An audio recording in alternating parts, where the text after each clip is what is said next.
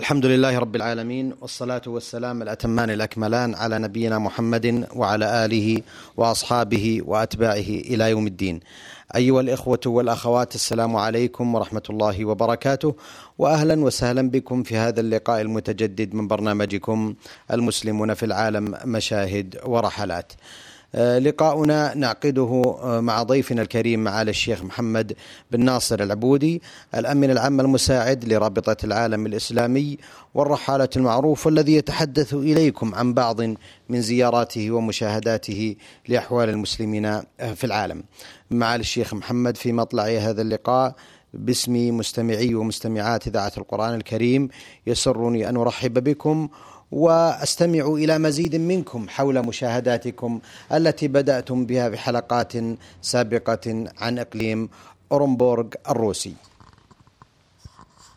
بسم الله الرحمن الرحيم، الحمد لله رب العالمين والصلاة والسلام على سيدنا محمد بن عبد الله وعلى آله وصحبه ومن والاه ومن اتبعوا هداه إلى يوم القيامة وأما بعد فإننا كنا نتحدث عن بعض المشاهدات في مدينة أورنبورغ عاصمة إقليم أورنبورغ الواقعة في جنيو جنوب جمهورية روسيا الاتحادية وقد داهمنا الوقت ونحن نزور مسجد الحسينية.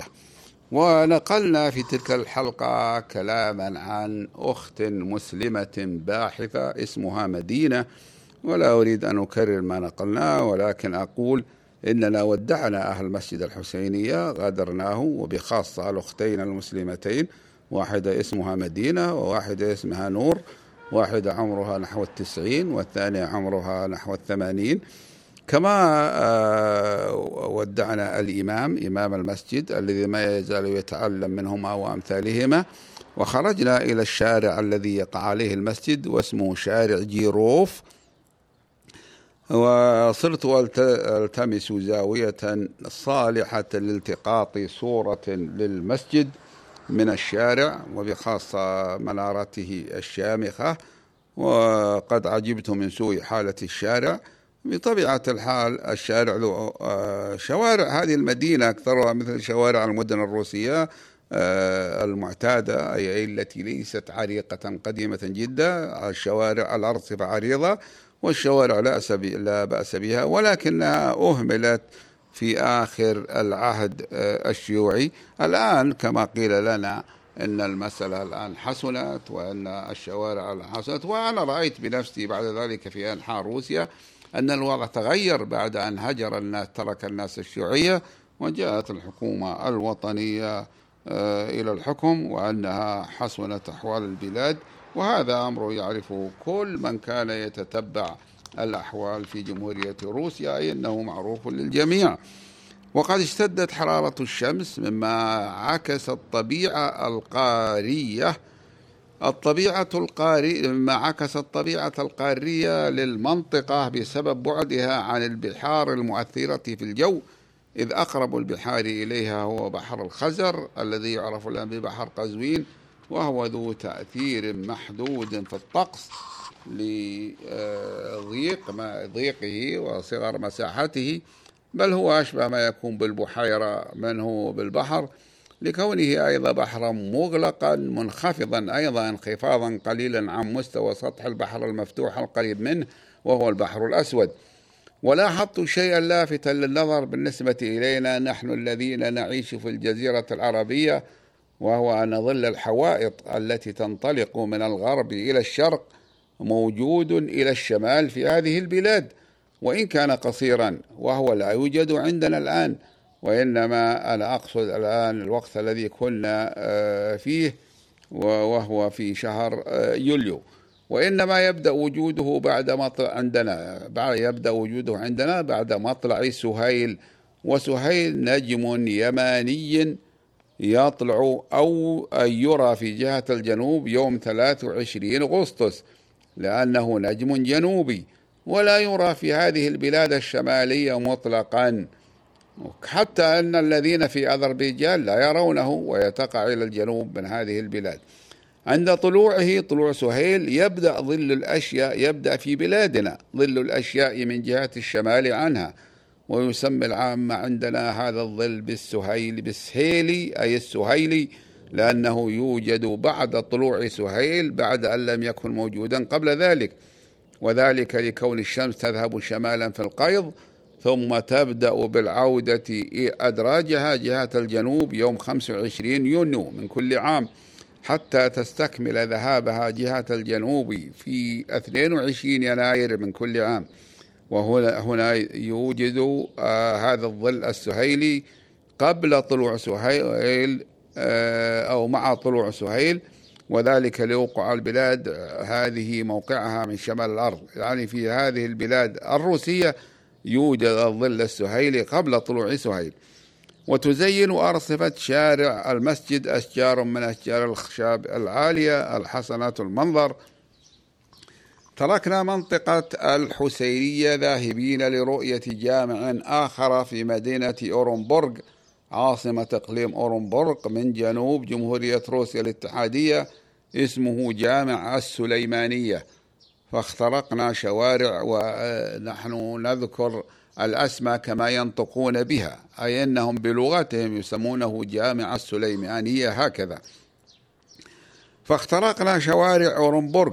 أي لا لا يسمونه كما يفعل الإنجليز إذا كان الجامع يسمى جامع السليمانية يقال مثلا آه، سليمانيا آه، ماسك أو يقال آه، شيء قريب من هذا. لا هم ينطقونه جامعة السليمانية. اخترقنا شوارع أورنبورغ غير الجيدة وأكثرها غير وأكثرها واسع. ولكن أرصفتها غير معتنى بها. كان أخونا المفتي هو الذي يقود السيارة وهي سيارة من طراز فولجا الروسي الذي يعتبر مركوب الطبقة الراقية في هذه البلاد وهو أحد نوعين من السيارات الموجودة فيها. النوع الثاني هو لادا الذي يشبه سيارة الفيات الإيطالية إن لم يكن هو هي في الأصل. كان المفتي يتناوب مع بعض العاملين في الإدارة الدينية قيادة هذه السيارة التابعة للإدارة الدينية. ولاحظت أن الناس كثير في هذه الساعة التي هي ساعة العصر في آه، من النهار وأنهم الأوروبيون الصرحاء في المظهر رغم أنهم فيهم من هم من التتار المسلمين ومن أهل ومن القزاق أهل البلاد الأوصلة لأن ألوان أهلها هي بيض الجميع كألوان الأوروبيين على البعد. أما تقاسيم الوجوه فإنها غير تقاسيم الأوروبيين ولكن التتار تقاسيم وجوههم أقرب ما تكون إلى تقاسيم وجوه البلدان العربية في شمال البلدان العربية مثل سوريا ولبنان والجزيرة العربية شمال الجزيرة العربية. أما غير المسلمين فأكثرهم في الوقت الحاضر هم من السلافيين. الذين يؤلف الروس أغلبهم. الروس الوصلاء هم من الجنس السلافي كما هو معروف. والجنس السلافي هو الذي يعرف عند المؤرخين من بني قومنا بالصقالبة. الواحدة منهم صقلبي والجماعة صقالبة. والسلافي كلمة سلاف هذه كالعيب. عاب بها الرومان إبان إمبراطوريتهم هؤلاء السلافيين فسموا الواحد منهم سليف بمعنى عبد وهذه الكلمة لا تزال موجودة بالإنجليزية. ولكن العرب سموهم الصقالبة ولا أدري مع أنه بعيد لفظ السلافي من صقالبة لكن ربما كانوا أخذوها بواسطة آه، بواسطة أخرى من المترجمين. أكثر السكان الآن في هذه البلاد هم من السلافيين كما قلت إيه، إلا أن الرشاقة في الأجسام وإن شئت قلت عدم الثقل في الأجسام شائع في النساء هنا. لذلك تجد فيهن نسبة من الجميلات أكثر مما هن في الروسيات المسكوفيات نسبة إلى مدينة موسكو التي ينطق الروس باسمها موسكوفا. ولا ينطقون لا يقول موسكو وإنما يقولون موسكوفا وصلى مسجد السليمانية الذي يقع في حي اسمه حي أرندة ويسمونه بعضهم بلغتهم أرندا محلة. ومحلة هذه دخلت إلى لغتهم من اللغة العربية عن طريق اللغة التركية التي كانت موجودة في بلاد ما وراء النهر. التي هي أوزبكستان التي عاصمتها آه، كما نعلم طشقند في الوقت الحاضر. والمنطقة كلها كلها كانت ميدانا للغة الروسية القديمة ولكن مع طول الزمان اختلفت هذه الفروع وصار بعضها لا يكاد يفهم عند الذين يتكلمون الفرع الآخر. وجدنا في الاستقبال في المسجد إمامه الأخ فاروق بن زينة الله, بن زينة الله. والده اسمه زينة الله. والمراد الزينة التي خلقها الله. وليس زينة مصابة إلى وليس الزينة مضافة إلى اسم الجلالة. وإنما المرود الزينة التي خلقها الله. وهو كأكثر أئمة المساجد في هذه البلاد غير مؤهل دراس دراسيا أي أنه ليس متخرجا من مدرسة دينية وهذا أمر مفهوم السبب وهو سيطرة الاتحاد الشيوعي الإلحادي الذي حرم على المسلمين وغيرهم من أرباب الديانات التعليم الدينية في البلاد. كما كان معه في استقبالنا الأخ محمود فوزي أحمد رئيس جمعية المسجد ويسمونه المتولي رئيس هكذا بهذين اللفظين العربيين. المتولي رئيس أي الرئيس المتولي لأمور المسجد. ورأينا طائفة من التلاميذ من أولاد المسلمين لكونهم يسكنون في بيوت متلاصقة قريبة من المسجد وجاءوا من أجل الدراسة في فصل دراسي ملحق بالمسجد وهم مختلطون من صبيان وبنات ويتميزون باللون الأبيض المشرق وعلى وجوههم طلاوة وثيابهم وأبدانهم في غاية النظافة. أخبرنا الإخوة أن الشيوعيين صادروا هذا المسجد وجعلوه سجنا بعد أن أحدثوا فيه سقفا قويا في وسطه لأنه كان مرتفع السقف كما هي حالة المساجد الكبيرة. فصار طبقتين جعلوها الشيوعيون جعلوه عندما أخذوه من المسلمين طبقتين قسموها إلى غرف واسعة عديدة وذلك لسعة المسجد سعة غير معتادة في هذه البلاد إلا في الجامع المركزي الذي فيه دار الفتوى كما سبق. وفتح الشيوعيون في محرابه بابا حتى لا يبقى شاهدا على كونه أي لا يبقى المحراب شاهدا على كونه مسجدا. استعاده المسلمون في عام 1993 وصاروا يرممونه ويصلحون غرفه وممراته وأبوابه من دون أن يزيلوا السقف الذي أحدث فيه ولا الحواجز بين الغرف فبقي على ما هو عليه حتى الآن. وإنما اتخذوا إحدى الغرف الكبيرة في الطابق الأرضي مسجدا مؤقتا زينوه برسم محراب وفرشوه بالسجاد وأقاموا فيه منبرا صغيرا. حدثنا الإخوة وهم الإمام والمتولي يعني رئيس الجمعية جمعية المسجد وثلاثة من جماعة المسجد انضموا إليهم عن بدء صلاتهم في المسجد بعد أن صادره الشيوعيون لسنوات طويلة. فذكروا أنهم بدأوا بثلاثة من, من ثلاثة من المصلين فقط أي أنه لا يصلي في المسجد في أول الأمر إلا ثلاثة فقط. أما الآن فقد وصل العدد إلى ما يزيد عن الثلاثين أحيانا. وإن كان متوسطه ثلاثين مصليا.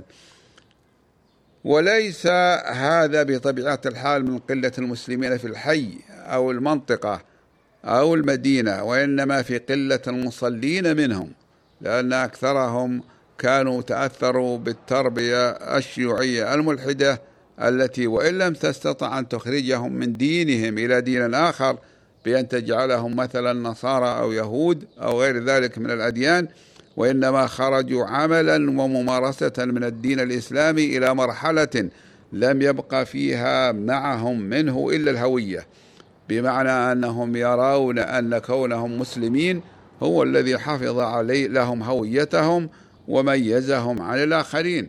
ولذلك قال لي بعض زعماء المسلمين إنه لولا الدين الإسلامي لصرنا خدما للروس ولا ولا محينا من الوجود.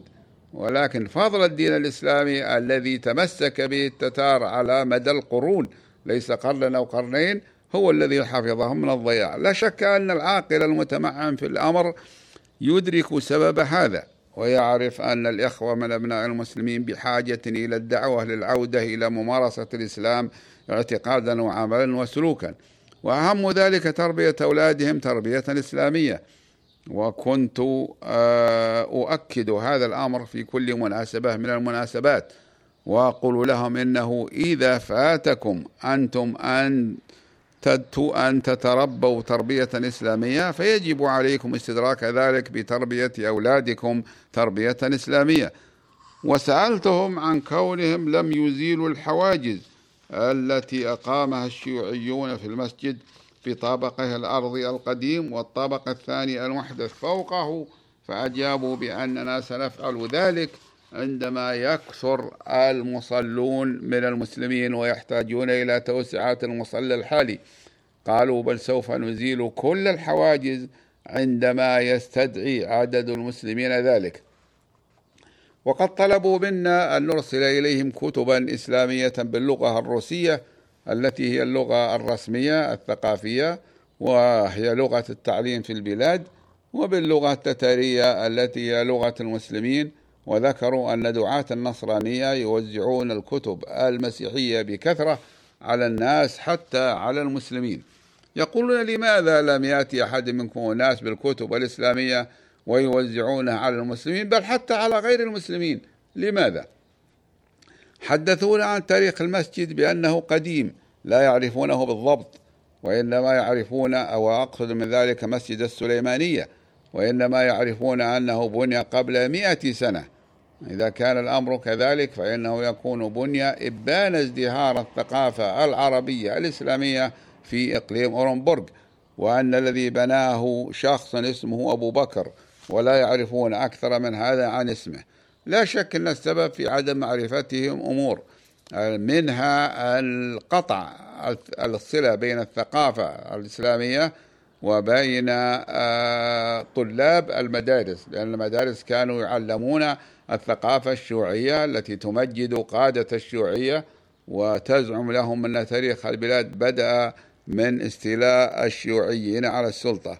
وكذلك أيضا قطع الصلة بقراءة الكتب الثقافة التتارية. كتب الثقافة التتارية كلها مكتوبة بحروف عربية. المقصود أنا أقصد من ذلك كتب الثقافة القديمة العريقة. وهم الآن يكتبونها بالحروف السيريلية أي التي تكتب بها اللغة الروسية. لذلك الذي يعرفها لا يستطيع أن يقرأ الحروف العربية. المسجد ليس له ملحقات كالمساجد الأخرى ولا أدري ذلك كان من, من أصل وجوده أم صودرت ولم يستعيدوها. إلا أنني سألتهم عن ملحقات المسجد التي توجد عادة في مثل هذه البلاد وبلاد ما وراء النهر حتى بلاد الصين. كما يكون المسجد أشبه ما ي... لأن المسجد يكون هناك يكون أشبه ما يكون بالمركز الإسلامي. فتكون فيه أفنية وغرف للدراسة وغرف للأغراض الأخرى وبيت للإمام وبيت آخر للمؤذن فلم يعرفوا سبب ذلك. والظاهر أن بانيه آه، اكتفى بسعته أو أن ملحقاته قد اعتدي عليها منذ وقت طويل. يقع المسجد على شارع شمالي ليس فيه زفت وإنما تركبه أي الشارع معترضة فوقه أنابيب التدفئة الضخمة. التي تنقل بخار الماء الحار إلى بيوت المدينة من محطة أنشأتها الدولة كما هي عادتها في كل البلاد الروسية من أجل التدفئة. يحد المسجد من الغرب شارع واسع مزفت كان جيدا زفته ولكن جودته ذهبت حيث فسد الزفت فيه وصار جانباه ترابيين كما هي العادة في أكثر الشوارع في هذه المدينة. حتى المنازل الموجودة حوله وكلها منازل منفردة بنيت قبل العهد الشيوعي اسودت بفعل العوارض الجوية وكلها مسنمة السقوف تسنيما حادا أي على آه، هيئة آه، سلام البعير ولكنها تسليما حادا حتى لا تتراكم عليها ثلوج الشتاء التي تسقط بانتظام ولمدة طويلة. وبعضها يبقى إلى يعني يسقط حتى في أو في آخر فصل الخريف وأول فصل الربيع. عندما بدأ المصلون بعدد قليل لا يزيد عن الثلاثة مصلين أول الأمر. قلت لهم أنه ينبغي لكم أيها الإخوة المصلون أن تدعوا غيركم من المسلمين إلى الصلاة بالحكمة والموعظة الحسنة. ولا شك أنه يجب عليكم أن تدعوا إلى الله ولكن بما تستطيعون وبما يؤدي الغرض المطلوب. ولا شك أنه يوجد في بعض المسلمين خير إن شاء الله. بدأوا كذلك بدءا ضعيفا بفتح فصل لتعليم الأطفال وجهزوه بأثاث حسن. رأينا السبورة مكتوبا عليها الاستعاذة بالعربية أعوذ بالله من الشيطان الرجيم. ثم البسملة بسم الله الرحمن الرحيم ثم سورة الإخلاص قل هو الله أحد إلى آخر السورة. وتحت ذلك عبارات عربية مكتوبة بخط جيد وتحتها تفسيرها بالروسية. وهذا أمر لطيف جدا حتى يعرف القارئ الذي لا يعرف إلا الروسية وكلهم كذلك يعرف معناها القارئ الذي لا يعرف العربية. ومن لطيف ما رأيته مكتوبا في أسفل السبورة كلمة من رب ربك. وتحتها نطقها من ربك يعني بإدغام النون في الراء وهذا من أجل سلامة النطق وإلا لو أنها لم تدغم لكان النطق أيضا صحيح. وقد تجمع الأطفال في الفصل وعددهم أربعة عشر. ذكروا أن مجموعهم الآن ستة عشر. وهم مختلطون ما بين بنين وبنات وفيهم المميزون. والمميز هو من تعدى السابعة بل فيهم من هم في سن العاشرة والحادي عشرة وقد جلسوا مع الفتيات اللاتي رأيت واحدة منهن لا يقل سنها عن الثالثة عشرة وعليها لباس صيفي لا يمت إلى الستر بصلة. ولكن أهلها لمحبتهم في دينهم أرادوا لها أن تتعلم في هذه المدرسة الحروف العربية وما يلزم من آه، من قراءة وما يلزم من القراءة في الصلاة. ورأيت طفلة من الفصل اسمها ليلية وهو الاسم العربي. قالوا لي إنه هو الاسم العربي الأصيل ليلى. دخله قليل من التحريف. أبوها اسمه إبراهيم. قرأت ليلية سورة الفاتحة. قراءة جيدة وقراءة الفاتحة في هذه البلاد التي ابتليت بالشيوعية يعني أمرا عظيما كقراءة سورة من وسط القرآن حفظا بالنسبة إلينا. وذلك لندرة من يحسن قراءة شيء من القرآن. حتى أن بعض كبارهم إذا طلب منه أن يقرأ شيء من القرآن قرأ الفاتحة قراءة سريعة أشبه بقراءة الفاتحة التقليدية المعروفة في بعض البلدان العربية التي تقرأ عند إبرام أمر عظيم. ومن الطريف المفرح الذي أخبرونا به أن بين طلاب هذه المدرسة أو النقل الذين يحضرون الدراسة فيها ثلاثة من أبناء المسيحيين من جيران المسلمين يدرسون مع أبناء المسلمين وأنهم صاروا يصلون مع أطراف المسلمين في المسجد ولذلك يأملون في يصبحوا مسلمين فيما بعد. وقد ذكرني هذا بما رأيته في مدينة سان سلفادور عاصمة جمهورية السلفادور في أمريكا الوسطى حيث رأيت في مسجد المركز الإسلامي الذي أنشأه الأخ الذي هداه الله إلى الإسلام واسمه الدكتور أرماندو بوقايلة وهو مسيحي عربي أصيل هاجر من فلسطين إلى السلفادور وهاجر والداه من فلسطين إلى السلفادور وولد مسيحيا هناك في السلفادور ولكنه درس الإسلام وأسلم عن اقتناع فخصص طابقا من مبنى يملكه للمركز الإسلامي الذي أنشأه. وأعلن في الجرائد في السلفادور أنه فتح هذا المركز لمن يريد أن يطلع على شيء يتعلق بالإسلام أو يريد أن يعتنق الإسلام. وقد جعل أحد الإخوة الفلسطينيين المسلمين الذين يعرفون العربية إلى جانب لغة البلاد التي هي الإسبانية جعله مقيما في المسجد بصفة مستمرة ومعه أحد المسلمين السلفادوريين يردون على أسئلة المراجعين والمتطلعين بالهاتف والمتطلعين الذين يتكلمون بالهاتف وعلى استفساراتهم في كل ما يتعلق بالدين الإسلامي. وعندما زرت المركز الإسلامي في مدينة سان سلفادور وصليت في المسجد صلى معنا أحد الأشخاص صلاة الظهر فذكروا أنه لم يسلم بعد وإنما يحضر الصلاة ويصلي مع المسلمين مثل غيره فإن هداه الله إلى الإسلام دخل فيه وإلا يكون قد اكتسب شيئا من المعرفة على الدين الإسلامي في تلك البلاد التي ظلت مغلقة دونه من قبل ويكون بذلك قد عرف زيف بعض ما بعض ما يروج به دعاة الدين الإسلامي من أشياء غير صحيحة عن الإسلام. كما كانت امرأة وأنا صليت هناك أنا وصديق الأستاذ عبد العزيز المسلد رحمه الله. كانت امرأة تراقبنا ونحن نصلي في في سان سلفادور جاءت لترى كيف يصلي المسلمون ولتحصل على نشرات أو كتب توضح لها ما تريد معرفته عن الدين الإسلامي. آه، هناك أي في السلفادور. وذكروا أن هذه المرأة تعمل في وظيفة مدير عام. أي أنها ذات مستوى عالم من الثقافة ومن آه، المراكز في الدولة. قال الدكتور بقيلة نحن أعرف بطبيعة بلادنا وشعبنا وأعرف بكيفية دعوتهم إلى الإسلام والطريقة إلى اقتناعهم به ولذلك نسلك هذه الطريقة. آه، آه،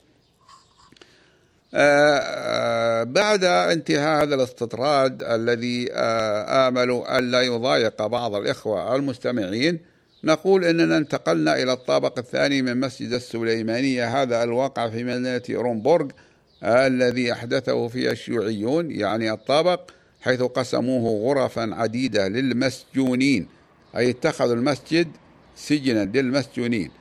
فرأيناهم يرممونه الأخوان المسلمين بعد أن استعادوه رأيناهم لا يزالون يرممونه ويصلحونه بدلا من أن يزيلوه ليعيدوا للمسجد هيئته الأصلية. ذكروا أنهم يفعلون ذلك من أجل أن يؤجروه فينتفعوا بأجرته لنفقات المسجد والمدرسة وما يتعلق بذلك إلى أن يزيد عدد المسلمين فيعيدونه مسجدا بكامله. وقد شكوا, شكوا إلينا قلة النفقة وذكروا أنهم في هم عظيم الآن من دين لاحقهم بيبلغ سبعة ملايين ونصف مليون من الروبلات. استدانوه ثمن مواد لترميم المسجد. فأعلنت لهم أننا سنتبرع لهم تبرعا عاجلا من رابطة العالم الإسلامي بما يغطي هذا المبلغ ويفضل منه شيء ونسلمه لهم الآن. أي أننا سنعجل لهم الآن؟ وقد سروا لذلك. سرورا عظيما وذلك أنهم لم يكونوا يتوقعون أن يأتي إليهم شخص من خارج بلادهم ويدفع ذلك المبلغ عنهم. يبلغ عدد الغرف في هذا الطابق الثاني سبع عشرة غرفة وما يدل على مساحة المسجد وسعته ولكنها كبيرة وواسعة بحيث تزيد مساحته على مساحة الثلاثين غرفة من الغرف, الغرف المعتادة في البلاد. ثم انتقلنا من مسجد السليمانية إلى نصب القارتين والمراد به نصب أي علامة شامخة كالعمود الدقيق ومعروف النصب تقع في النقطة التي تفصل بين قارتي آسيا وقارة أوروبا حيث تلتقي حدود القارتين هنا في هذه النقطة كما سبق. والمقصود من ذهابنا هو الوقوف في النقطة المحددة للحدود بالضبط. بعد أن وقفنا في منتصف الجسر المقام على نهر أورال الذي يفصل بين القارتين. يقع النصب على الضفة اليسرى من نهر أورال والمراد باليسرى إذا كان النهر يسير من الأمام يسير إلى الأمام فيكون تكون أيسره اليسرى وأنت تسير معه أي في اتجاه سيره وتكون الضفة اليسرى هي على أيسرك. وعزمت على أن أفعل هنا ما فعلته عند خط الاستواء. أول ما رأيته في أوغندا في القارة الإفريقية وهو الخط الوهمي الذي يفصل بين شمال الأرض وجنوبها. أقام الإنكليز عندما كانوا يحكمون أوغندا آه، أقاموا نصبا ليبينوا هذه النقطة التي تفصل بين جانبي الأرض الشمالي والجنوبي يعني بين نصفي الأرض. يعني أن من هذه النقطة وجنوبا هو النصف الجنوبي بالضبط وما كان عنها شمالا هو النصف الشمالي من الكرة الأرضية آه، بالضبط. وخطوا خطا يذهب شرقا وغربا. كتبوا إنه النقطة التي تساوي عندها نصف الكرة آه، الأرضية. وهذا الخط الذي وضعوا فيه لبنات من الآجر بالطول لا يزيد عرضه على مقدار الشبر. فوضعت آنذاك إحدى رجلي يمين هذا الخط والأخرى شماله. وقلت للمرافقين اشهدوا أنني وضعت إحدى رجلي في شمال الأرض والأخرى في جنوبها. وهنا قال أحد المرافقين من الأخوة من العلماء أنت إذا من أرباب الخطوة. وأرباب الخطوة من المتصوفة الذين يقولون إن الأرض تطوى لهم. فقلت له إنه لا يوجد طي كما ترى وإنما الأرض كما هي. ضحك الجميع لأن هذا من باب آه، التنادر كما هو ظاهر. أحسنتم على الشيخ محمد آه، في ختام هذا اللقاء أتوجه بالشكر الجزيل بعد شكر الله سبحانه وتعالى إلى ضيفنا الكريم معالي الشيخ محمد بن ناصر العبودي الأمين العام المساعد لرابطة العالم الإسلامي والرحالة والداعية المعروف والذي تحدث إليكم عن بعض من زياراته ومشاهداته لأحوال المسلمين في العالم في العالم. نلقاكم أيها الإخوة والأخوات على خير في مثل هذا اليوم من الأسبوع القادم. وهذه تحية من محدثكم محمد بن عبد الله مشوح. والسلام عليكم ورحمة الله وبركاته.